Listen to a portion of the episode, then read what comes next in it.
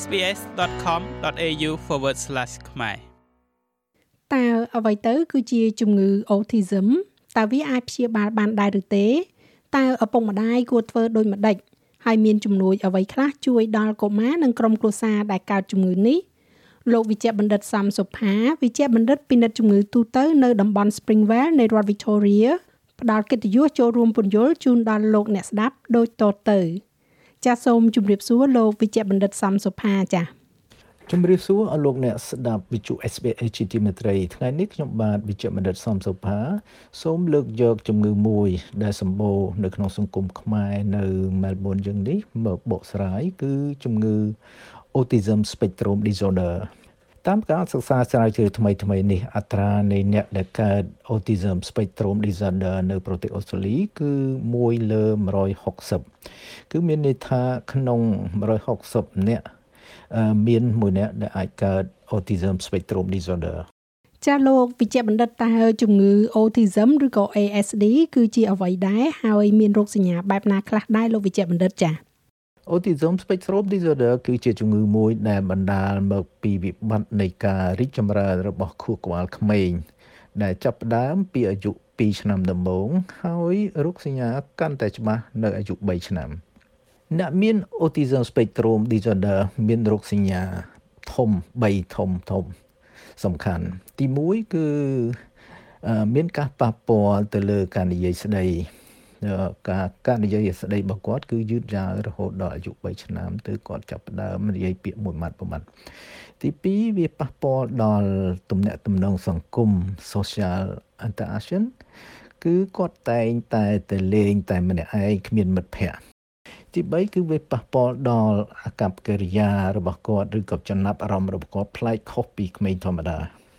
គេសួរថាតើពាក្យ autism ខុសពី autism spectrum disorder យ៉ាងណាមុនឆ្នាំ2013យើងតែងតែហៅជំងឺនេះថាជា autism ប៉ុន្តែចាប់តាំងពី2013មកសមាគមចិត្តសាស្ត្ររបស់អាមេរិកបានផ្លាស់ប្ដូរពាក្យ autism នេះទៅជា autism spectrum disorder ដែលមានន័យទូលូនទូលាយជាងមុន ហើយដែលគេអាចចែកចេញជា3ជំងឺ ទី1គេហៅថា autistic disorder ឬក៏មានន័យថាជា classic autism ឬក៏ typical autism ក្នុងនេះគឺអ្នកជំងឺគាត់មានរោគសញ្ញាទាំង3ដែលខ្ញុំរៀបរាប់ខាងលើធ្ងន់ធ្ងរហើយជាពិសេសទៅគឺវាមានប៉ះពាល់ទៅដល់សតិបញ្ញារបស់គាត់ទៀតគេហៅ intellectual disability ទី2គេហៅថា Asperger syndrome អ្នកដែលមាន Asperger syndrome មានរោគសញ្ញាដូច autistic disorder ដែរតែស្រាលប៉ុន្តែគាត់គ្មាន បញ្ហាក្នុងការនិយាយស្ដីឬក៏សតិបញ្ញាឡើយណាទី3គេហៅ atypical autism atypical autism នឹងគឺ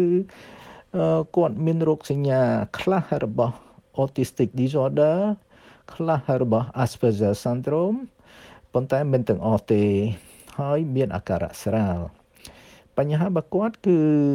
ការនិយាយស្ដីនិងទំនាក់ទំនងសង្គមប៉ុន្តែសតិបញ្ញារបស់គាត់មិនប៉ះពាល់ទេ ទី2ខ្ញុំសូមនិយាយអំពីរោគសញ្ញាទាំង10របស់ Autism Spectrum Disorder រោគសញ្ញាទី1ការមិនអើពើឆ្លើយតបទៅនឹងអ្នកដទៃ គឺជារោគសញ្ញាមួយដែលសំខាន់ណានឹងធម្មតាកុមារតែងតែសម្លឹងទៅសំឡេងដែលខ្លួនឮឬក៏តែងតែសាកល្បងលុកដៃចាប់របស់ជំនាញខ្លួនចាប់របស់ជំនាញខ្លួន ចាប់តាំងពីអាយុ4ខែកុមារតែងចាប់ផ្ដើមញញឹមពេលដែលយើងលេងជាមួយគាត់នៅពេលដែលកុមារចាប់ផ្ដើមវាដើរឬក៏គេតែងតែរីករាយលេងជាមួយនឹងក្មេងដទៃទៀត ប៉ុន្តែក្មេងដែល autism spectrum disorder គេចូលចិត្តលេងតែម្នាក់ឯងសញ្ញាទី2គាត់មានអកប្បកិរិយាដដែលដដែល repetitive behavior pattern គឺឧទាហរណ៍គាត់លោតចុះលោតឡើងគាត់ដាក់របស់តម្រួតលើគ្នា ឬក៏គាត់ក្រវីដៃឬធ្វើធ្វើសំឡេងដដែលដដែល អាកប្បកិរិយាទាំងនេះធ្វើឲ្យគាត់សប្បាយរីករាយដូច្នេះមានការលំបាកក្នុងការកែប្រែអាកប្បកិរិយាទាំងនេះណាសញ្ញាទី3គឺការយឺតយ៉ាវក្នុងការនិយាយស្ដីក្មេង autism spectrum disorder ចាប់ផ្ដើមនិយាយកកេកកបន្ទាប់មកគាត់ស្ងាត់ទៅវិញ ក្នុងពេលដែលគាត់មានអាយុ6ខែដោយការនិយាយ ពាក្យសាមញ្ញក៏មានការយឺតយ៉ាវរហូតដល់អាយុ3ឆ្នាំណា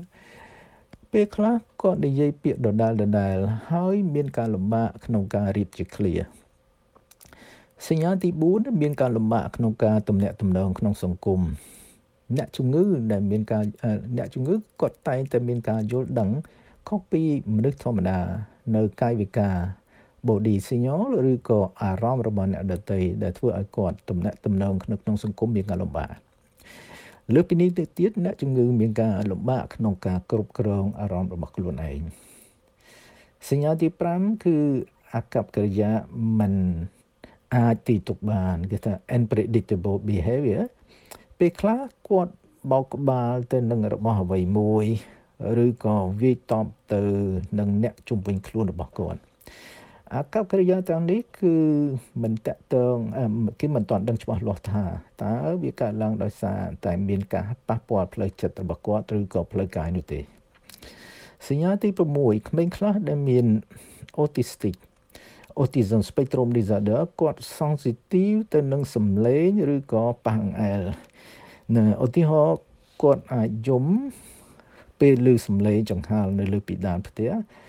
ឬក៏គាត់អាចរួនខ្លួនពេលយើងស្ទាបអង្អែលគាត់ប៉ុន្តែផ្ទុយទៅវិញគាត់ហាក់ដូចជាមិនឈឺចាប់ទេពេលដែលគាត់បោកក្បាលនឹងជញ្ជាំងសញ្ញាទី7ការប្រកាច់គឺគេរកឃើញថា40%នៃក្មេងមាន autism spectrum disorder គាត់មានអាការៈប្រកាច់យូរទៅនៅវ័យជំទង់ហើយគេសង្កេតឃើញថាអ្នកដែលក្មេងដែលមានអាការៈប្រកាច់ គឺគាត់មានការប៉ះពាល់ទៅចំណេះដឹងរបស់គាត់ធ្ងន់ធ្ងររុកសញ្ញាទី8អ្នកដែលមាន autism spectrum disorder តែងតែមានបញ្ហាកាពះនិងពោះវៀនគឺគាត់អាសារីអាសារុសគឺជុះឈាមពួកគាត់អាចមានជំងឺមួយចំនួនទៀតដូចជា celiac disease ឬក៏អាចលាកក៏ពោះវៀនឬលាកបំពង់អាហារជាដើម រុកសញ្ញាទី9គឺការគេងបញ្ហាគេងគឺគាត់គឺក្រចូលគេងណាហើយគាត់ភ្ញាក់ញឹកញាប់ពេលគាត់គេងឬក៏គាត់គេងមានការប្រែប្រួលយប់ទៅថ្ងៃថ្ងៃទៅយប់ជាដើមហើយសញ្ញាទី10គឺការដាក់របស់ញ៉ាំមិនបានចូលទៅក្នុងមាត់ ក្មេងតូចតូចតែតែងតែកាលគាត់នៅពីទូចក៏គាត់តែងតែយកលបែងយកលបែងលេងអីចូលដាក់ដាក់ចូលក្នុងមាត់ហ្នឹងហ្នឹងប៉ុន្តែក្មេងអូទីសឹមនេះដល់គាត់អាយុធំហើយគឺគាត់នៅតែធ្វើដដែលដដែលគឺខុសពីក្មេងធម្មតានេះចំពោះរោគសញ្ញាទាំង10 ចាតើឪពុកម្ដាយអាចសម្គាល់បានថាកូនកូនរបស់ពួកគាត់អាចថាមើលទៅអាចនឹងមានជំងឺ autism នេះបានយ៉ាងដូចម្ដេចខ្លះហើយតើជំងឺនេះវាអាចកើតឡើងបានដោយរបៀបណាដែរលោកវិជ្ជបណ្ឌិតចា៎ប្រសិនបើកូនលោកអ្នកមានទី1មិនបង្ហាញទឹកមុខរីរាយញញឹមញញែមពេលដែលយើងលេងជាមួយគាត់នៅអាយុប្រហែល6ខែទី2បើបង្ហាញទឹកមុខឬ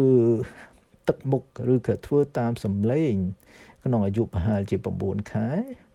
ទី3មិនកកៃកកនៅអាយុ12ខែទី4មិនបង្ហាញកាយវិការដូចជាចង្អុលឬក៏កវីដៃក្នុងអាយុ14ខែ ទី5មិននិយាយពាក្យមួយម៉ាត់សោះនៅអាយុ16ខែ ទី6មិនលេងដែលគេហៅថា make believe ឧទាហរណ៍ញ៉ាំទឹ កកែវទៅទេឬក៏ធ្វើជាជានិយាយទូរស័ព្ទជួឬក៏បញ្ចុកចំណីអាហារឲ្យកូនតុក្កតាជួជាដើមនៅអាយុ18ខែទី7មិនដែលនិយាយ clear ដែលមានពីរពាក្យក្នុងអាយុ24ខែនិងទី8គាត់បាត់ទំនាក់ទំនងជំនាញខាងការនិយាយស្ដីឬក៏ទំនាក់ទំនងក្នុងសង្គមនៅគ្រប់អាយុសួរថាតើបុព្វហេតុអ្វីខ្លះដែលធ្វើឲ្យ កើតឲ្យមានកូនមាន autistic spectrum disorder គឺមានកត្តាទី1គឺគេហៅ genetic genetic គឺមានន័យថាខ្សែស្រឡាយណាគឺជាបំហេតុមួយសំខាន់ណាប្រសិនបើកូនទី1នៅក្នុងគ្រួសារមួយមានកើត autism spectrum disorder ហានិភ័យនឹងកើតឡើង20%សម្រាប់កូនទី2ហើយនឹងកើនឡើង32%សម្រាប់កូនទី3 ហើយកត្តាផ្សេងទៀតគឺមិនច្បាស់លាស់ទេ គឺត្រូវការសិក្សាជ្រាវជ្រាវបន្ថែមឧទាហរណ៍ដូចជាឪពុកម្ដាយមានអាយុច្រើនឬក៏កូនកើតមុនខែ ជាពិសេសមុន26អាទិត្យឬក៏ក្មេងភេទរបស់ក្មេងព្រោះក្មេងប្រុសអាចមាន autism spectrum disorder នេះ4ដងប្រៀបធៀបទៅក្មេងស្រីហើយការប្រើប្រាស់ថ្នាំពីពពុះជាពិសេសគឺ valproic acid ឬក៏មានជំងឺ virus នៅពេលពពុះជាដើមចាតើជំងឺនេះផ្ដល់ផលវិបាកអ្វីខ្លះទៅថ្ងៃក្រោយលោកចាដោយសារតែវិបត្តិក្នុងការវិបត្តិក្នុងការនិយាយស្ដីទំនាក់ទំនងក្នុងសង្គមនិងចរិតលក្ខណៈរបស់គាត់ ដែលធ្វើឲ្យមានការប៉ះពាល់ទៅក្នុងការសិក្សារៀនសូត្ររបស់គាត់ទី2ពិបាករកការងារធ្វើណាហើយគាត់មិនអាចរស់នៅដោយឯកឯងបានត្រូវការឪពុកម្ដាយជួយគ្រប់គ្រងជារហូតណាហើយក៏មានការប៉ះពាល់ផ្លូវចិត្តទៅលើគ្រួសារទាំងអស់ដែលជាអ្នកថែទាំគាត់ហើយខ្លួនគាត់ក៏ជាអ្នករងគ្រោះត្រូវគេមើលងាយបើថោកនៅថ្ងៃក្រោយដែរ ចាស់ហើយតើជំងឺនេះអាចព្យាបាលបានដែរឬទេលោកចាស់ Autism spectrum disorder ជាជំងឺប្រចាំកាយមួយជីវិតណាប៉ុន្តែអ្នកជំងឺមួយចំនួន មានសញ្ញារបស់គាត់មានការចុះថយនៅពេលដែលគាត់អាយុច្រើនទៅ ហើយគេអាចរស់នៅដូចមនុស្សធម្មតា តែត្រូវការគ្រប់គ្រងជាប្រចាំជាពិសេសអ្នកដែលមាន Asperger syndrome ឬក៏ atypical autism ប៉ុន្តែចំពោះក្មេងដែលមាន typical autism គេត្រូវពឹងផ្អែកលើឪពុកម្ដាយជារៀងរហូតបន្ទាប់ពីការពិនិត្យវិจัยពីលើករោគសញ្ញារបស់កុមារដែលថាអាចមាន autism spectrum disorder វិជ្ជបណ្ឌិតប្រចាំគូសាមានភារកិច្ចត្រូវផ្ញើកុមារនេះទៅជួបនឹងវិជ្ជបណ្ឌិតជំនាញខាងកុមារហៅ pediatrician ហើយឬក៏ child psychiatrist ឬក៏ autism assessment team ដើម្បីធ្វើរោគវិនិច្ឆ័យឲ្យបានត្រឹមត្រូវបន្ទាប់មកឪពុកម្ដាយត្រូវទំនាក់ទំនងជាមួយនឹង NDIS ដើម្បីទទួលយកថវិកាពីរដ្ឋាភិបាល12000គេអាចប្រើប្រាស់ថវិកានេះសម្រាប់ speech therapist អ្នកជំនាញខាងនិយាយ occupational therapist ឬក៏មាន គេហៅ home based behavior therapy គឺគេមានអ្នកជំនាញគេគេអាចមកជួយបង្រៀនកូននៅផ្ទះបានអឺហើយក៏មានសាលាពិសេសសម្រាប់ autism spectrum disorder ដែរសូមជម្រាបថាឪពុកម្ដាយមានតួនាទីសំខាន់ណាស់ក្នុងការប្រឹងប្រែងបង្ហាត់បង្រៀនកូន លើកទឹកចិត្តកូន ដើម្បីឲ្យកូនដើម្បីខួរក្បាលរបស់គាត់រីចម្រើន ជាពិសេសក្នុងអាយុ10ឆ្នាំដំបូង ចំពោះអឺនៅ dietherapy នៅគ្មានផុសតាងណា ដែលបញ្ជាក់ពីចំណីអាហារវីតាមីនជួយ ក្នុងការព្យាបាល autism spectrum disorder ទេណាហើយចំពោះថ្នាំសង្កូវវិញ គឺក៏គ្មានថ្នាំពិសេសអ្វីសម្រាប់ព្យាបាល autism spectrum disorder ដែរគេអាចប្រើប្រាស់ថ្នាំសម្រួលអារម្មណ៍បើគេរកឃើញថាគាត់មានវិបត្តិផ្លូវចិត្តដូចជា anxiety or depression ប៉ុន្តែទៅសម្រេចពីអ្នកជំនាញខាងផ្លូវចិត្តគេអាចប្រើប្រាស់ថ្នាំ risperidone low dose ដែលដូរទៀតបើគេរកឃើញថាគាត់មានអាការៈឆេវឆាវដែលអាចគ្រោះថ្នាក់ដល់អ្នកជំងឺខ្លួនឯងតែគេត្រូវការសម្រេចចិត្តពីអ្នកជំនាញដែរណាចាសសូមអរគុណលោកវិជ្ជបណ្ឌិតសំសុផាដែលបានពន្យល់យ៉ាងក្បោះក្បាយពាក់ព័ន្ធជាមួយនឹងជំងឺ Autism នៅក្នុងថ្ងៃនេះសូមជម្រាបលាលោកចាស សូមអរគុណចំពោះការយកចិត្តទុកដាក់ស្ដាប់ជម្រាបលា